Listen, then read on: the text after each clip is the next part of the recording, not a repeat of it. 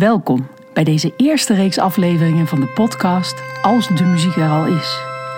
In deze podcast interview ik muzici met eigenzinnige opvattingen over de wondere wereld van de muziek en het onderwijs in muziek. Mijn naam is Suzanne Lutke. In deze tiende aflevering van mijn podcast interview ik Nico Desert, violist, docent en schrijver van de methode Vioolwereld. De inhoud van deze podcast wordt gekleurd door de tijd waarin we zijn beland. Het grootste deel van muziekonderwijs is nu digitaal. Wat betekent dat voor wat we doen? Waar voelen we de winst en waar de beperking? Nico daagt ons uit om wat afstand van onszelf te nemen en te kijken in hoeverre we onze leerlingen nu echt meenemen in hun eigen leerproces. Hoe spreek je jouw achternaam uit, Nico? Dessert. Oh ja, dessert. Ja. We hadden het er eerder over um, dessert. Toen zei ik, is dat zoals het toetje? En toen zei je, nou nee. Want jouw naam komt uit... Wat vertelde je me nou? Het is een verbastering van uh, een Waalse naam. En die schreef je D-E-S-A-R-T. En dat spreek je uit als Desart. En dat Oh is toen herschreven in de 19e eeuw als D-E-Z-A-I-R-E. En men dacht toen, hé, hey, dat is een Franse naam. En dat is men Ja. als dessert gaan uitspreken. Maar eigenlijk is de juiste uitspraak Desart. Alleen eh, niemand zegt dat meer. Dus als ik me Oh. voorstel of familieleden, is het altijd dessert.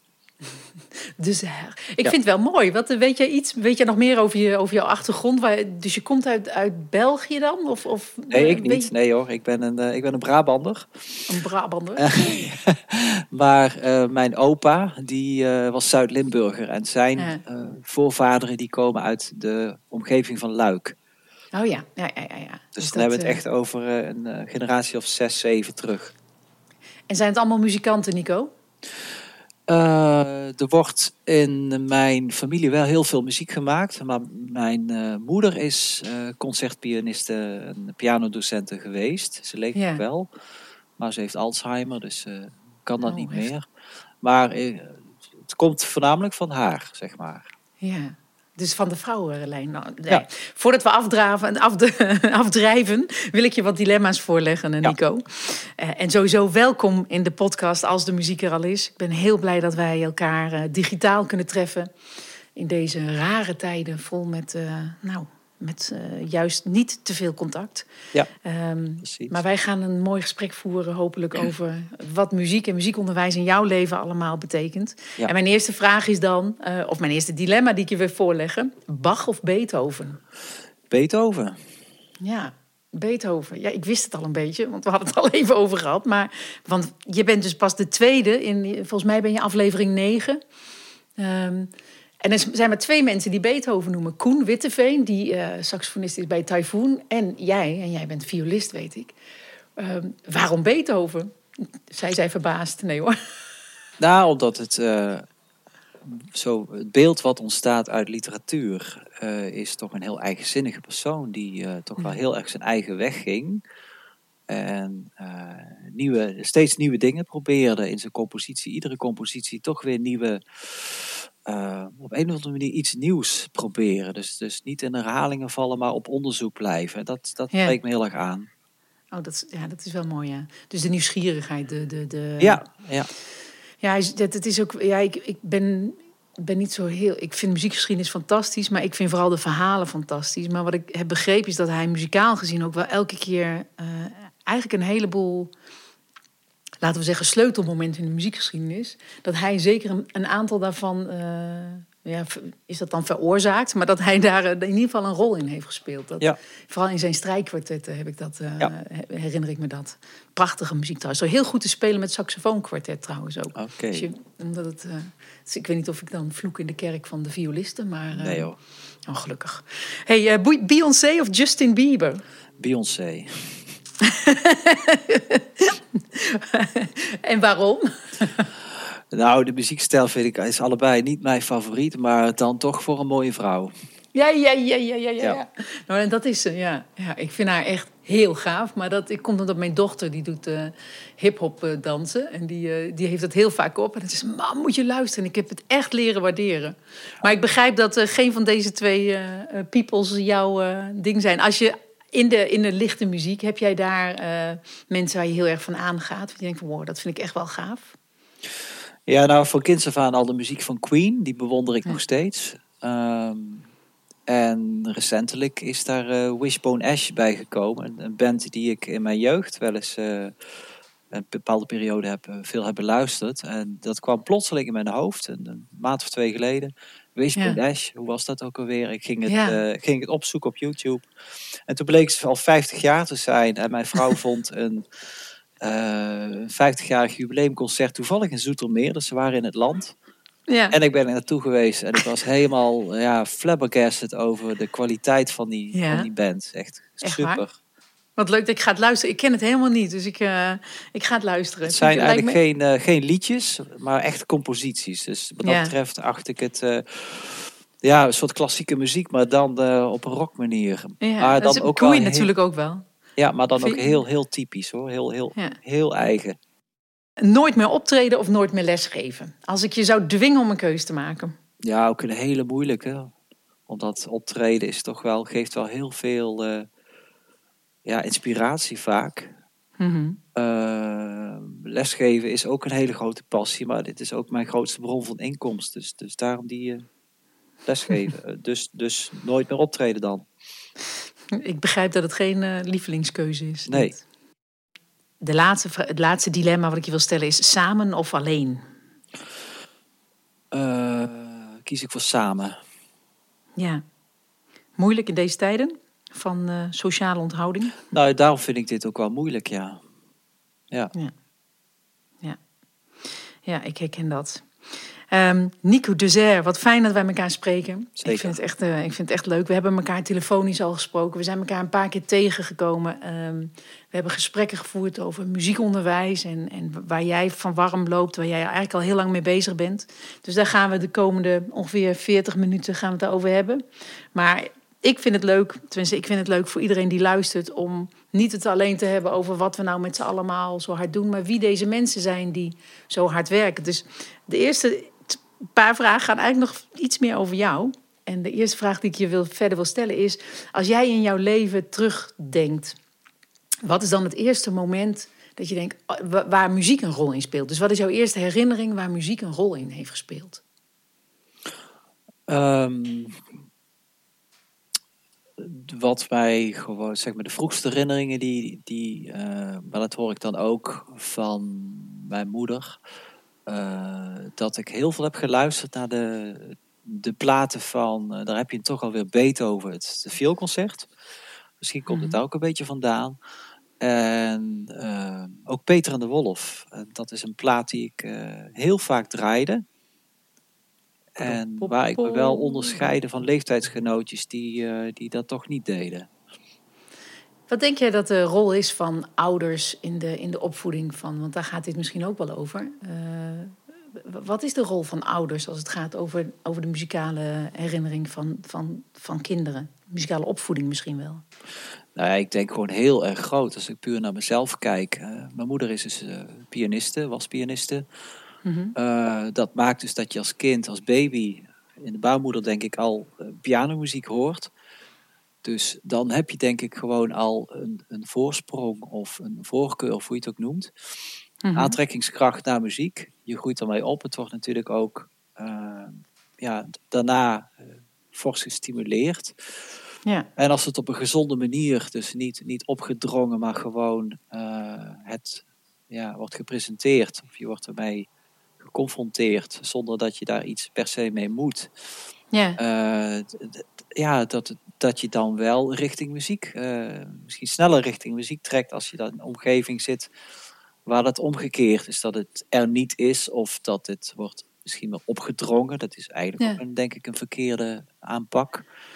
Dus ja, ik, uh, ik zie het ook wel bij, uh, bij leerlingen die ik lesgeef, dat daar waar thuis muziek wordt gemaakt, of muziek is gemaakt, of mensen al muziekles hebben gevolgd, dat er ook veel beter begrip is en acceptatie van hoe, hoe dat allemaal gaat rondom het ja. uh, leren van muziek. Wat dat betekent überhaupt voor, hè, als je daar iets mee wil. ook dat, ja. ja, ja, ja. Als jij kijkt hè, in, in je eigen geschiedenis, um, jij hebt veel meegemaakt muzikaal gezien. Welke ervaring of welke anekdote heeft jou nou het meest gevormd als muzikus? Of als muziekdocent misschien wel. Heb jij een ervaring van nou, dat gebeurde toen en toen wow ja, toen, toen wist ik het of toen had ik een enorm inzicht. Hoe, hoe heb jij zo'n ervaring? Oeh, vind ik een hele moeilijke. Ehm, ik zou niet zo direct één directe ervaring kunnen noemen. Het zijn gewoon bepaalde momenten die in één keer kunnen, kunnen inspireren. Mhm. Maar uh, dat zijn er echt veel. En ik heb ook het idee dat je dat regelmatig nodig hebt. Dat je anders weer ergens als het ware een beetje inzakt. Ja. En regelmatig zo'n oppepper nodig hebt. En, en, en een topper daarin zou ik eigenlijk niet zo kunnen aangeven. En als je, vrij, als je terugkijkt in de laatste rare weken van ons muzikale bestaan, hè, uh, jij bent ook volgens mij uh, begonnen met digitaal lesgeven. Je bent heb, je, heb je daar al dingen meegemaakt die jouw inzicht of inspiratie hebben gegeven? Ik ben er inderdaad mee begonnen. Uh, ik werk wel redelijk veel met de computer in les, maar niet op deze manier. Niet, niet lesgeven via Skype.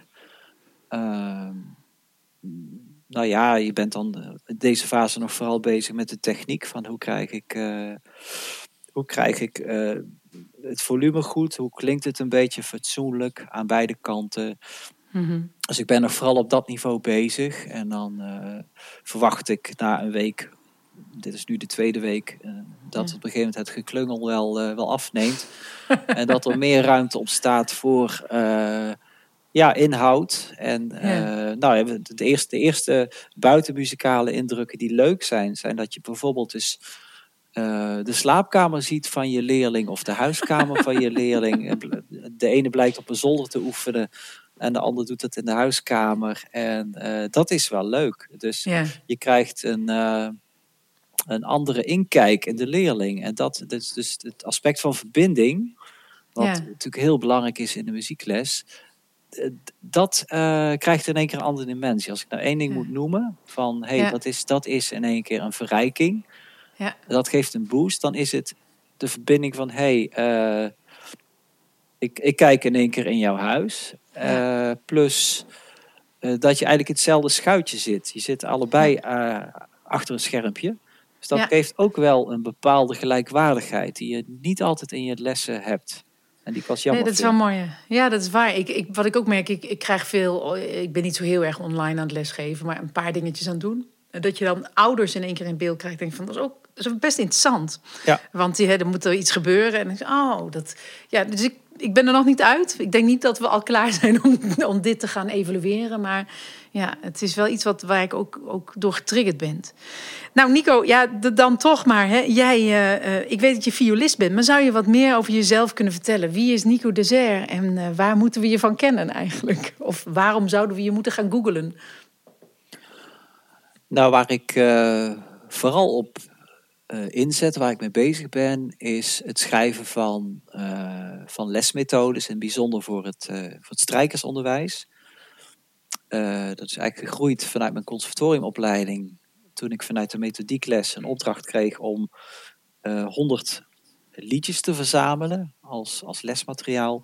En ik vond het leuk om daar een tweede stem bij te schrijven. Ik ging daar meteen vioolduetten van maken. Ja. Dus ik breidde de opdracht zelf al uit. En mijn uh, compositiedocent destijds, Kees Schonebeek, die zei...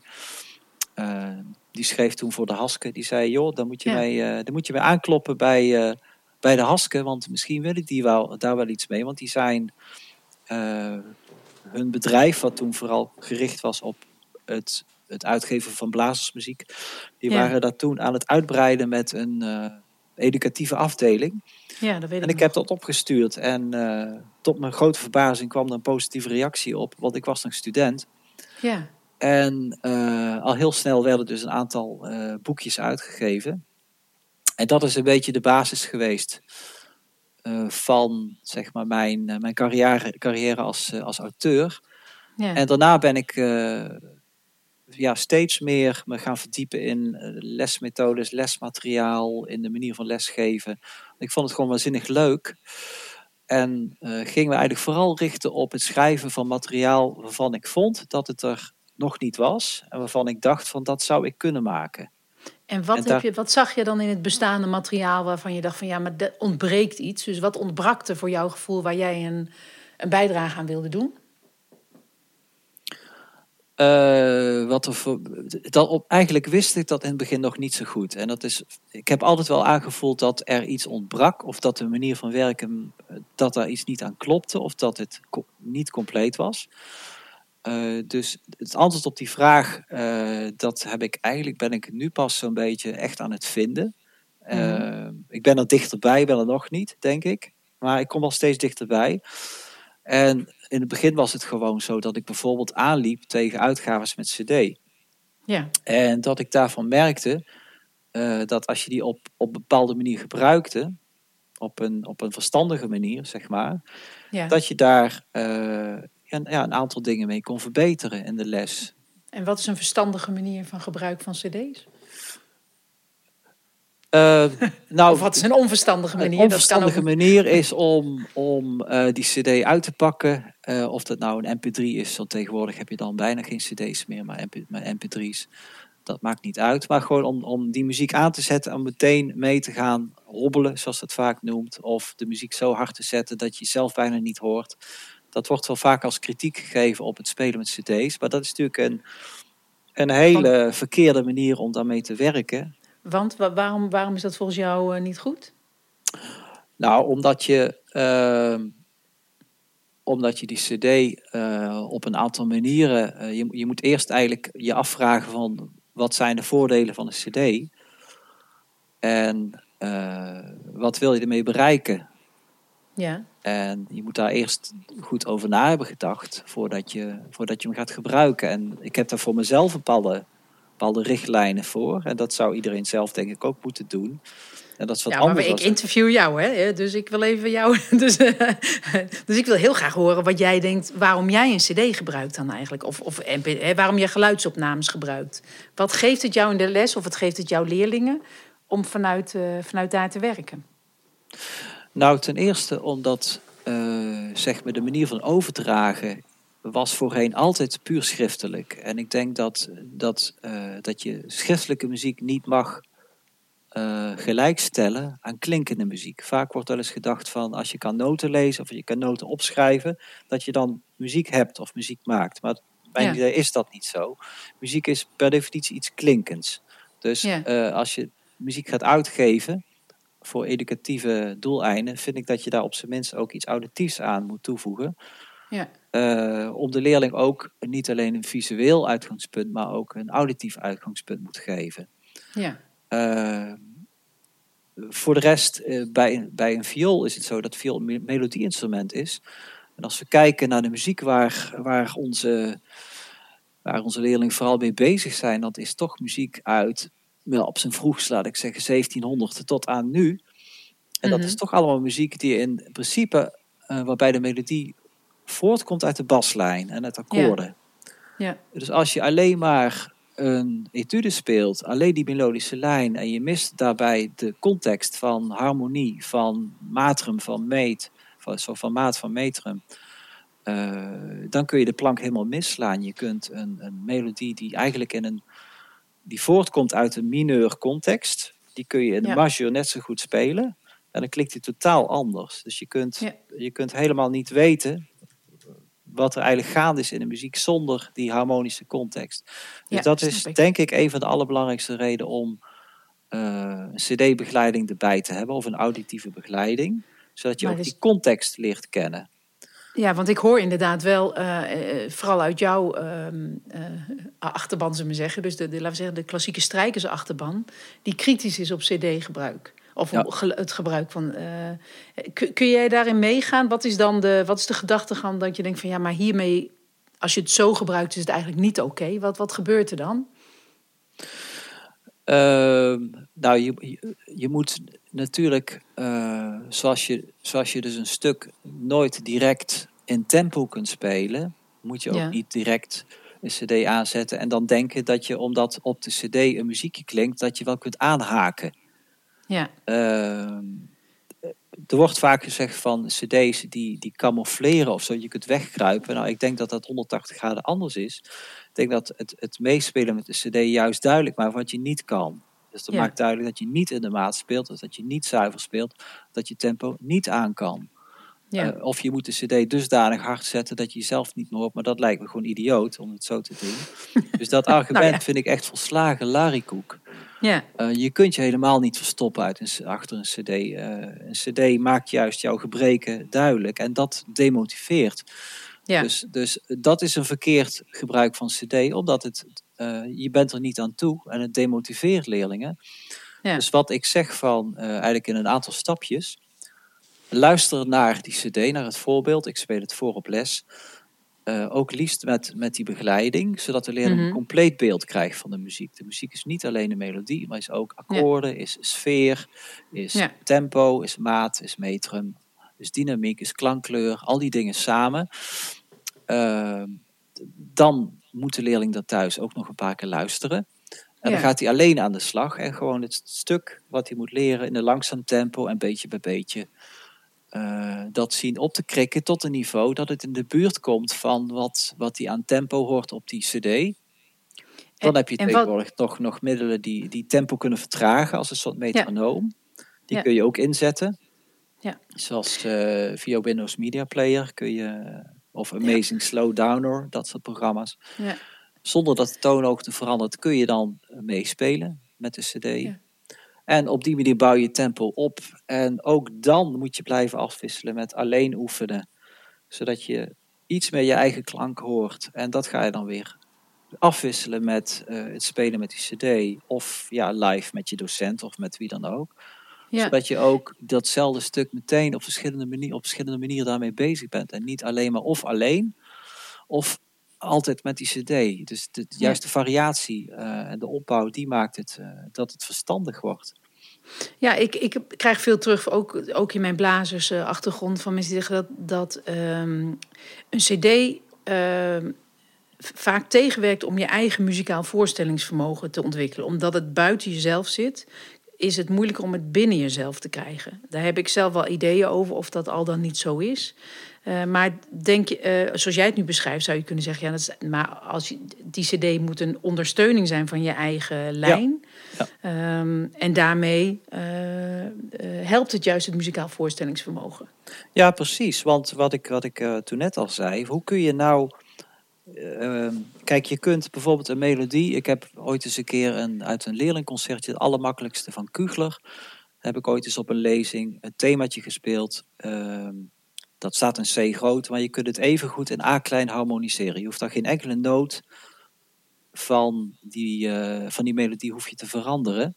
Ja. Als je je leerling alleen maar die lijn voorspeelt, dan heeft hij echt geen idee of dat nou een droevig stuk is of wat Ja. dan ook. Pas Ja. als je de, de achtergrond erbij hoort, hoor je, oh, oké, dit is een stuk dat begint in marcio, maar het modelleert. Dat Ja. wordt wat verdrietiger. Dan ga je het heel anders interpreteren. Dus je kunt wel zeggen van ja, die cd die eh, doet het misschien voor en die remt misschien je voorstellingsvermogen af. Nee, ik denk dat het, dat het 180 graden anders is. De CD helpt je juist om te zoeken eh, naar wat, wat, er, wat er in de muziek gebeurt. En je kunt dan, je zit er in ieder geval op de goede weg. Ja, je hoort dan de context en eh, dan heb je in ieder geval de richting. En Maar dan definieert het ook de rol van de docent. Eh, want dus dan gaat het dus nog misschien nog wel eerder over hoe die docent die opname gebruikt, dan hoe de, de, hoe de leerling dat gebruikt. Of zie ik dat dan verkeerd? Ik maak wel eens de vergelijking van, eh, is, is de Porsche een verkeerde auto omdat je er in de stad 120 mee kunt rijden? Nee, je moet gewoon 50 rijden of minder. Ligt niet Ja, aan die. Porsche, het ligt aan degene die het gaspedaal indrukt. Precies. Ja, en wat is dan, hè, als we naar die docent kijken, wat, wat, doe je, wat heb jij in huis of waar leun jij op? Zeg maar, wat is de overtuiging in jouw lesgeven waar jij op leunt? Je zegt van ja, maar dit is wat ik inbreng, dit is mijn rol als, als eh, muziekdocent, als, als muzikus. Hoe, hoe, hoe kijk je daar dan naar? Wat doe jij dan met jouw leerlingen of voor jouw leerlingen? Wat ben jij voor je leerlingen? Sorry. Eh, nou, mijn intentie is om ze in ieder geval te leren eh, zichzelf te ontwikkelen. Ja, om ze zelfstandig te maken. ehm, om eruit te halen wat ze zelf kunnen, wat ze willen leren.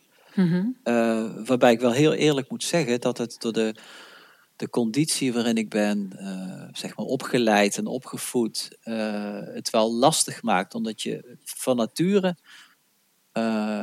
dat is zeg maar dat, dat meester-gezel idee, gewoon gewend bent om hiërarchisch eigenlijk op te leggen van, goh, we gaan dit en dat doen. Ja. En dat is, dat is een proces waar ik nu in zit, om dat, daar nog bewuster van te maken. Ja, probeer nou eens meer balans te zoeken in wat die leerling inbrengt, wat die leerling wil, uh, wat hem motiveert en wat, wat ik aan skills, ervaringen, wat, wat, wat, wat ik te vertellen heb, zeg maar. Ik probeer daar balans in te zoeken. En um, vraagt dat van jou andere kwaliteiten? Kijk, je muzikantschap breng je in. Dat is volgens mij ook hoe je in de kern geschoold bent als, eh, als muzikus.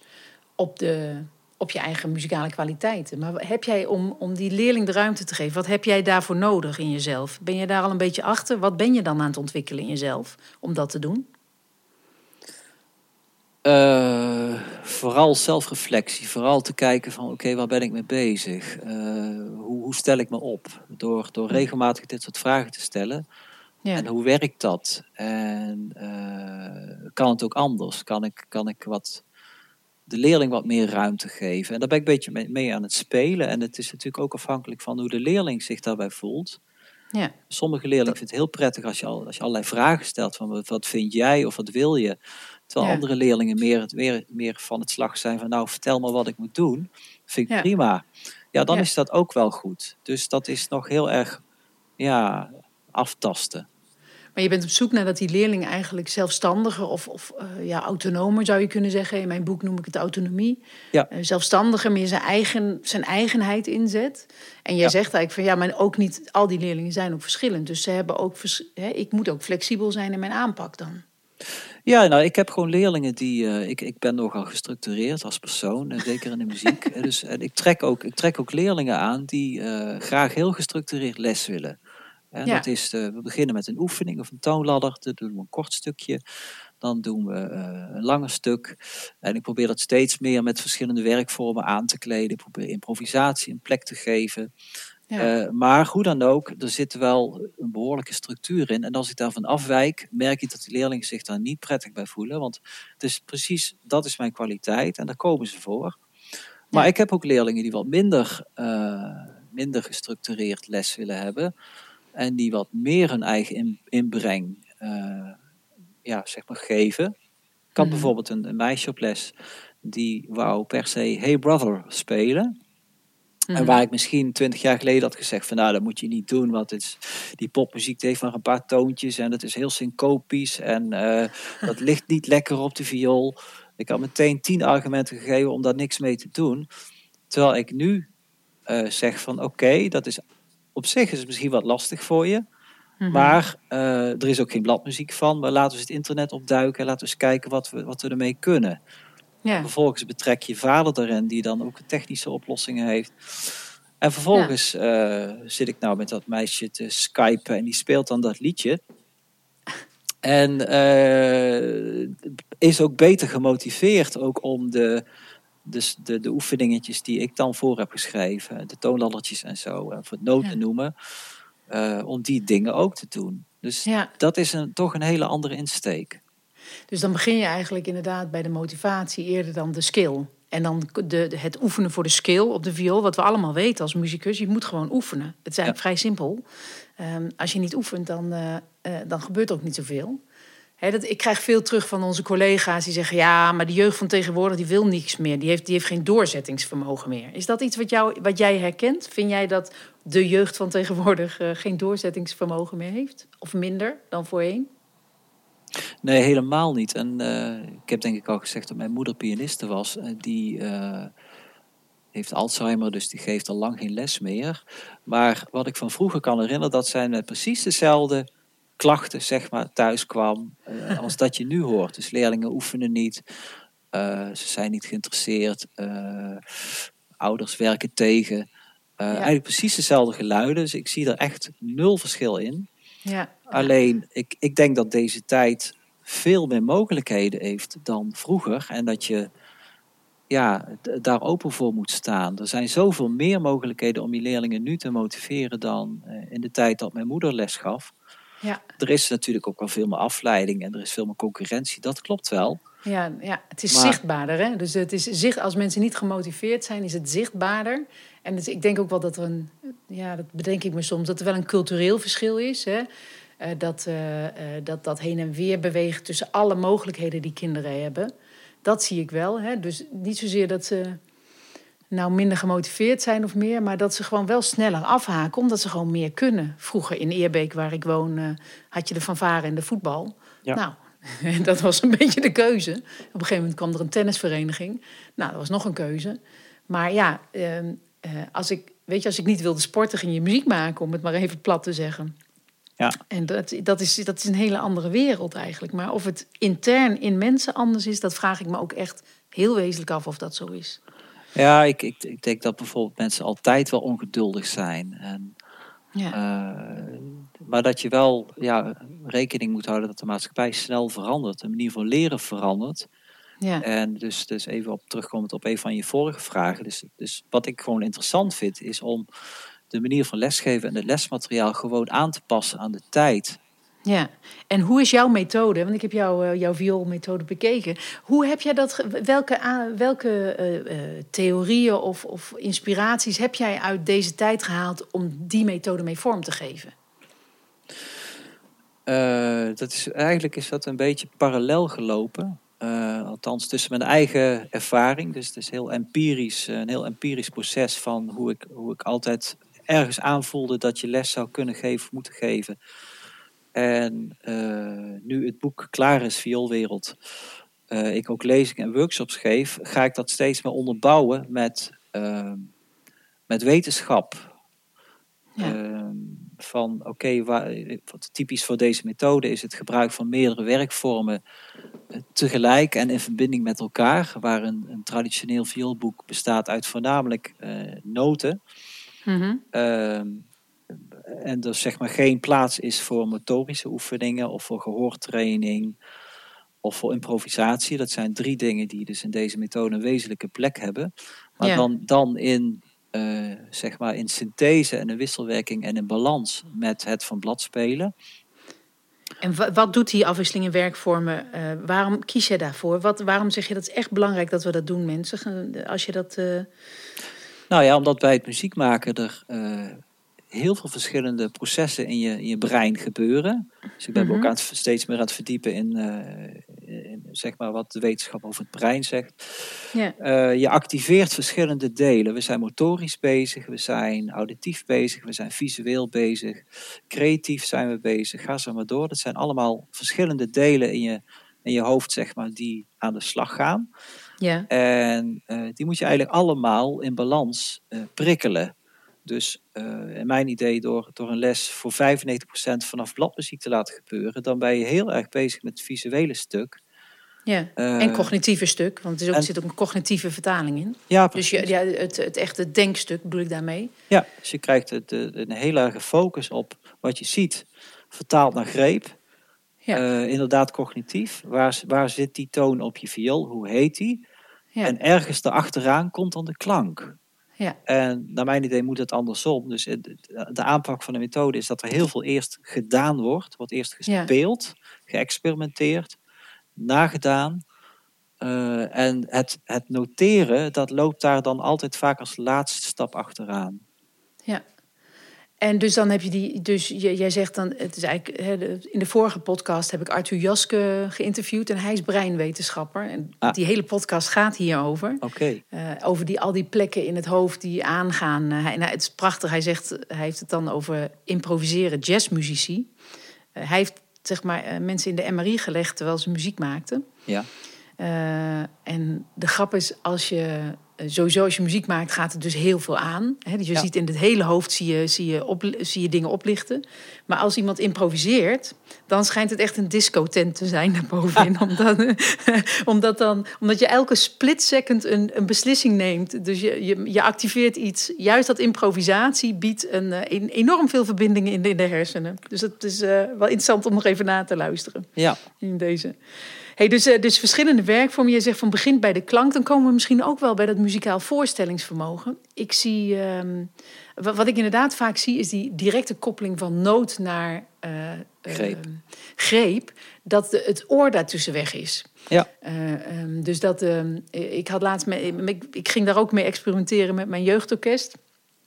Uh, en ik merkte dat ook. Hè, we doen vaak wel even een toonladder om in te spelen. Toen ben ik laatst begonnen met een toonladder inspelen, maar dat ze dan elke twee tonen niet moesten spelen. Dus ze speelden uh, pam pam en dan de volgende twee in hun hoofd pam pam pam pam pam pam pam pam pam pam pam. En uh, vreselijk moeilijk vonden ze dat, terwijl ik ja. achter, echt dacht van hè? Maar toen had ik echt zo'n inzicht van oh dit, zij horen dus, zij spelen dus hun vingers op en neer. Ja. En zij horen niet de toonladder waar ze um, waar ze met mee gaan spelen. Dus dat was voor mij echt een enorm inzicht. Dus ja. daar ben ik ook op aan het kouwen hoe dat dan. Uh... En dat is, dat is de insteek vanuit in jouw vioolwereld, waar je dus die afwisseling pakt. Ja, uh, om, om een voorbeeldje te noemen. Uh, als ik een leerling met de hele stok leer strijken, wat best wel complex is. Um, dan laat ik ze eerst die beweging voelen door, door het te leren strijken door een, door een kokertje. Dan voel je de beweging en dan laat ik ze echt een soort van bodyscan maken, zoals het meditatie heet. Ja. Uh, echt voelen van uh, wat gebeurt er nou in jouw arm? Wat, wat beweeg je waar? Want heel veel ja. mensen zitten tegenwoordig dusdanig in hun hoofd dat ze geen contact meer hebben met hun lijf. Maar ook het, het, het lichaam is gewoon zeg maar je instrument. Heel belangrijk om dat te kunnen controleren wat daar, wat daar gebeurt, wat te voelen. Ja. En op een bepaald moment ook weer los te laten, zodat je daar niet, uh, niet in blijft hangen in dat denken over je beweging, maar dat gaat op een gegeven moment automatisch. Ja. Uh, vervolgens koppel ik daar dan dezelfde oefening aan op de viool, dus dat gaat ook klinken. Ja. Uh, dan komt er een improvisatieoefening, een, een pianobegeleiding of een vioolbegeleiding, waar een leerling dan uh, tonen moet spelen, losse snaren met die hele stok. Dus het, het, wat je net zei, dat hele uh, brein gaat dan oplichten omdat er wordt Ja. geïmproviseerd. Um, plus dat het idee van ik ben nu iets nieuws aan het leren, een nieuwe techniek, maar dat koppel je ook met iets van de leerling zelf. Ja. Hij is zijn eigen muziek aan het spelen, hij koppelt het aan een nieuwe techniek. Dus dat maakt denk ik ook dat hij dat veel meer als iets van zichzelf gaat ervaren. Ja. En vervolgens komt er als laatste achteraan, hoe schrijf je dat nou op? En dan leer ik ze dus de hele noot. En dan moeten ze dat klappen. En dan moeten ze dat uh, op basis van een, uh, van een metronoom, uh, een tik op een, op een mp3, een puls zeg maar, moeten ze dat op de viool gaan spelen. Dus dat Mhm. is een lijn van, van, van voelen, bewegen, uh, horen, in dit geval uh, naar notatie, improvisa improvisatie en dan pas naar notatie.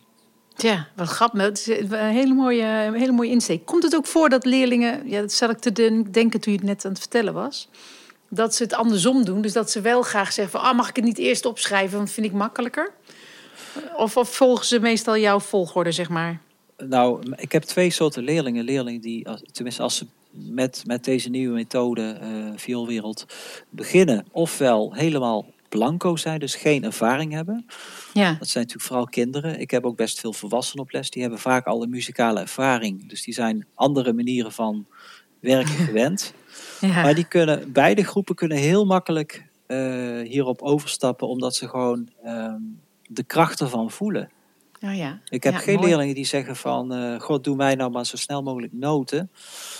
Omdat ze ergens wel begrijpen dat uh, viool is gewoon een complex instrument. Het is moeilijk om zuiver te spelen. Het is moeilijk om een mooie klank te maken. De, de focus daarop is al zo groot dat als je daar uh, ook afleiding hebt van kijken naar noten, dan snapt men wel dat dat niet zo heel logisch is. Althans, in mijn ja. optiek is dat niet zo logisch. Dus ik, ik heb geen leerlingen die zeggen van doe mij maar meteen noten. Ja, nou ja, we hebben het wel eerder gehad um, over jou, uh, over het muziekonderwijs. En er zijn, jij zei, nou ja, wij kwamen in gesprek omdat ik natuurlijk soms best, nou ik ben niet kritisch, maar ik, ik doe wel een oproep om in het muziekonderwijs dingen anders aan te gaan pakken.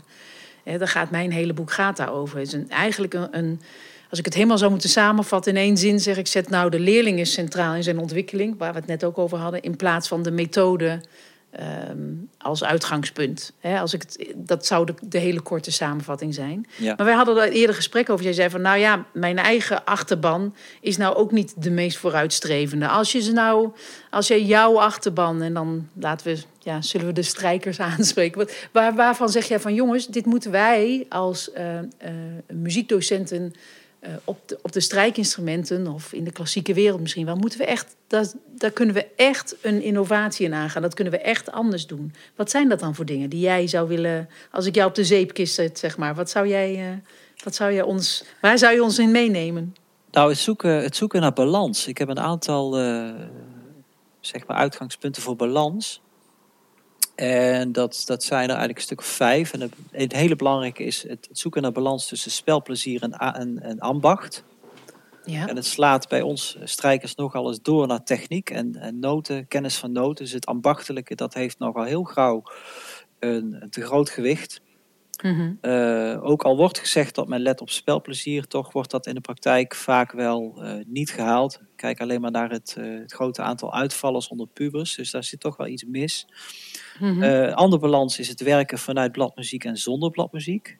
Ja. Dat heb ik wel een beetje uitgelegd waarom ik dat vind. Ja, precies. een derde is dat wat ik inbreng in de les en de leerling. Dat heb ik eigenlijk ook al benoemd. Ja. Ehm, ook een hele, een hele, ja, dat vind ik persoonlijk wel een belangrijke. Het werken met het instrument of zonder.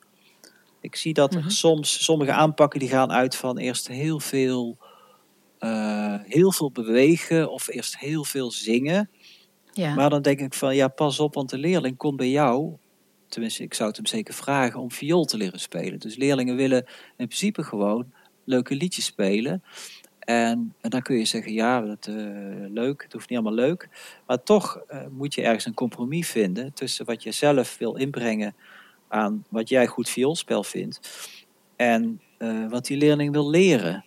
Ja. Dus, dus als ik denk dat de meeste leerlingen op les komen omdat ze ergens een viool hebben gehoord. Tenminste, dat hoor ik. Of al heel lang verliefd zijn geworden op die viool. En viool mm -hmm. willen leren spelen. Dus dan denk ik van, ja, kijk uit dat je niet maandenlang of weet ik veel, of driekwart van je les bezig bent zonder de viool. Want daar Met komt alleen de, strijkstok. Ja. Daar, daar komt de leerling niet voor. Dus kijk of je op een of andere manier toch die viool centraal kan houden. En in mijn methode doe ik dat dus door, door zo snel mogelijk toch liedjes te spelen, maar op een dusdanig niveau dat het, uh, dat het niet te moeilijk is. Dat de leerling mm -hmm. denkt van, hé, hey, kan dit? En dat het ook leuk klinkt. En dat kan al heel snel. Daar hoef je dus, da en daarom is het loslaten van noten lezen vanaf het begin is een heel belangrijke voorwaarde. Dan kom je veel sneller bij dat instrument. Uh, en een vijfde is, um, dat noemde ik ook al, het, het, het uh, gebruik van meerdere werkvormen. En ook als laatste het gebruik van meerdere, ik noem dat leerbronnen.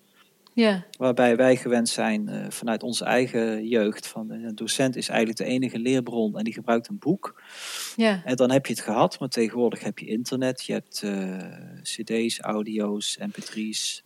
Dat is wel interessant in deze tijd, Nico. We, we, zitten in de tijd van, sinds anderhalve week in de tijd van online lesgeven. Ik herinner mij een maand geleden gaf ik een lezing op een muziekschool ergens in het land. En toen stelde ik de vraag, er zaten 60 muziekdocenten. Wat hebben jullie dat YouTube niet he heeft aan lesgeven? En dat werd echt een hele scherpe, hele nare discussie, waarin ik echt aangevallen werd. Ja. Van, en, en, en, lesgeven via YouTube stond ook in de krant nog een heel artikel, toen ook een maand geleden. Ja. Lesgeven via YouTube, dat is allemaal, daar kun je het niet leren, want je moet die echte muzikus voor je hebben. Nou, we zijn een maand later en onze realiteit is volstrekt anders. Maar dat werpt dus de vraag op, en het is een, een vraag die nu uh, volgens mij heel actueel is. Wat heb jij als muziekdocent, als muzikus, wat is jouw toegevoegde waarde over, laten we zeggen, digitale bronnen?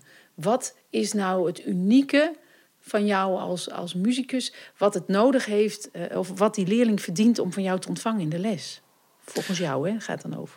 Nou ja, ik denk dat, ik heb dat artikel ook gezien, een discussie, ja, meerdere, meerdere van dit soort uh, geluiden, die dan inderdaad heel erg anti-YouTube. Mm -hmm. uh, ik heb me moeten inhouden om niet te reageren, omdat ik denk, ja, je moet twee dingen onderscheiden. Je hebt het lesgeven via, uh, zeg maar, online. en je hebt gewoon YouTube als bron waarvoor je bijvoorbeeld, als je zegt van nou, ik wil dit en dat, ik noem maar iets, een bepaald concert, ik noem maar iets, broegconcert, dat wil je leren. Hmm. Uh, en dan is het gewoon heel fijn als je een aantal interpretaties met je leerling kunt beluisteren. En uh, denken van, dat stimuleert het nadenken voor hoe zou ik het dan zelf willen doen. Want je kunt het toch niet naspelen, want die mensen zijn veel te goed. Dus dat is, dus, geen, geen optie. Maar het kan hmm. je wel helpen om ja, te zoeken naar een uitvoering. Dus dat zijn twee verschillende dingen. Dus wat mij opviel is dat, dat, dat daar geen onderscheid in werd gemaakt. Ja, viel mij ook op, ja. Dat is punt één. En, nu zie je wat jij zegt, is, dat klopt. Nu moeten we wel uh, lesgeven via Skype. Je ziet dat sommige leerlingen daar dat eigenlijk liever niet willen. Uh, daartegen opzien. Vooral de iets ouderen. Het overgrote deel bij mij wil dat wel. En uh, dan in één keer diezelfde docenten die altijd huiverig waren voor, de, voor, voor überhaupt computers, uh, zijn in, in één week tijd allemaal heel bedreven met programma's als Skype, Zoom, noem het maar op. Ja. Uh, in no time wordt er dus van alles bijgeleerd. Dus het blijkt maar weer dat verandering is best mogelijk als er maar ofwel passie is, ofwel noodzaak. In dit geval denk ik allebei. Want docenten zijn, muziek zijn, docenten zijn ontzettend gepassioneerd. Dat denk ik ook, ja. Uh, maar nu is dan... de noodzaak om het anders te doen. Ja, want de, de, de vraag die het bij mij ook opwerpt is... gaan we nou alleen maar een ander medium gebruiken? Hè? Of gaan we de, de pedagogiek of de didactiek ook veranderen? Dus, dus het feit dat het via een online medium gaat... ik kan natuurlijk nog steeds net zo goed blijven doen wat ik doe. Hè? Ik vertel wat je moet doen, ik zeg dat je het niet goed doet... of wel of niet. Zou het zo zijn, denk jij, dat het dat deze, deze fase waarin we zitten ook, uh, ook ja, nieuwe ideeën opwerpt voor ons veld. Kunnen we hier wat van leren, denk jij? Wat, denk, hoe kijk je daar tegenaan? Dat is een filosofische vraag, maar, want we kunnen niet in de toekomst kijken. Maar... Nou ja, er vallen gewoon een aantal mogelijkheden weg nu. Je kunt bijvoorbeeld uh, niet, niet goed samenspelen door de vertraging nee. op de lijn, welk programma je ook uh, ja, gebruikt. Uh, of ja, misschien zijn, is er wel eentje die dit beter werkt. Maar het blijft me helpen. Mm het, het geluid is natuurlijk nooit zo mooi als, als live. En je kunt een leerling niet meer fysiek voelen. Kijk, als je een, een viool, vioolleerling hebt, wil je ook af en toe wel eens even voelen in die hand. Van, hey, voel ik daar spanning of zo? Dat kan allemaal niet meer. Dus er vallen wel degelijk dingen weg. Maar ja, voor wat er wegvalt, komt er wel weer, weer ruimte voor iets anders. Ja. En uh, ja, we zijn denk ik met z'n allen nu aan het zoeken van oké, hoe kunnen we die ruimte benutten? En de ene doet dat door uh, misschien wat meer theorie te trainen. De andere die gaat met zijn leerling een compositie online maken. Ja, iedereen ja. die gaat daar nu zelf nieuwe dingen bedenken. Dat is ja. op zich wel mooi. Het is wel interessant. Ik ben heel benieuwd naar dit hele avontuur. Of we daar op een of andere manier. Je ziet het overal ontstaan. Hè? De, het, wat ik ook heel erg ontroerend vind. Is in hoe, hoeveel we nu delen. Ik ben al een tijd. Hè, mijn bedrijf heet Lutke Linkt.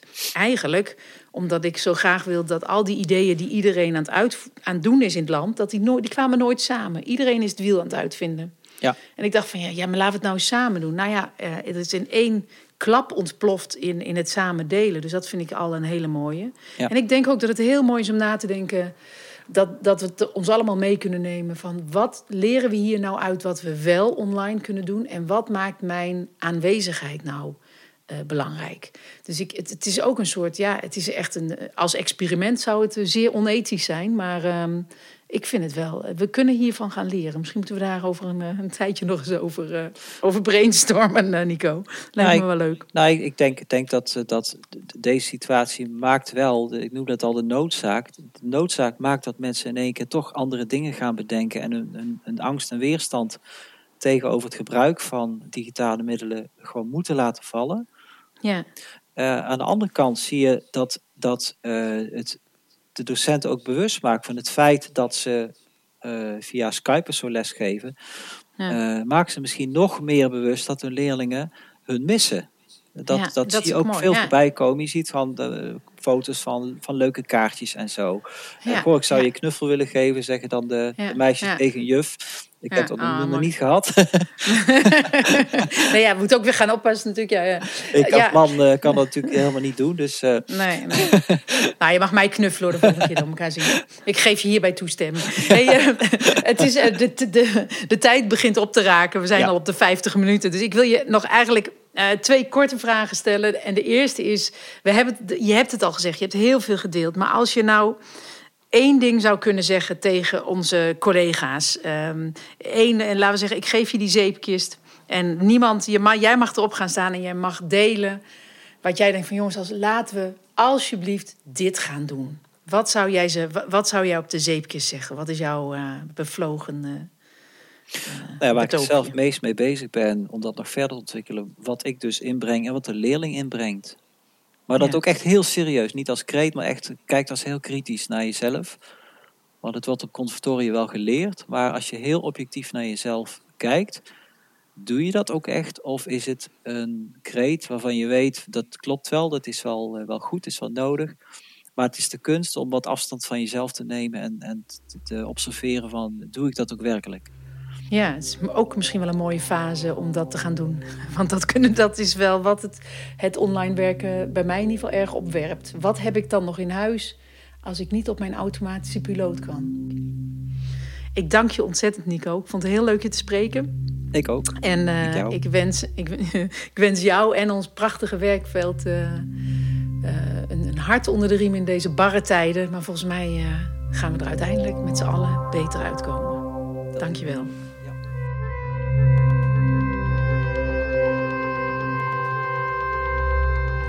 Je luistert naar de podcast van Suzanne Lutke. Suzanne Lutke is saxofonist, muziekdocent en onderwijskundige. Ze heeft een eigen trainingsadviesbureau voor de kunst- en cultuursector en het onderwijs.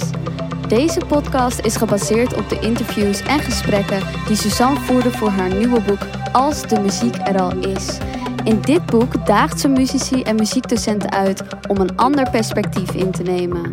Wat gebeurt er als we er niet meer van uitgaan dat de docent de leerling muziek moet leren maken, maar dat de docent de leerling uitdaagt zichzelf muzikaal te ontwikkelen? Wat als de muziek er al is in onze leerlingen? Suzanne nodigt je uit om nieuwe vergezichten te verkennen. Haar boek is nu te koop bij de boekhandel. Deze podcast is geproduceerd door Suzanne Lutke en Mirna Attia. Mirna is muzikant, zangeres, producer en sounddesigner. Bekijk en beluister haar werk op www.mirnaattia.com. Meer over Suzanne vind je op www.lutkelinkt.nl.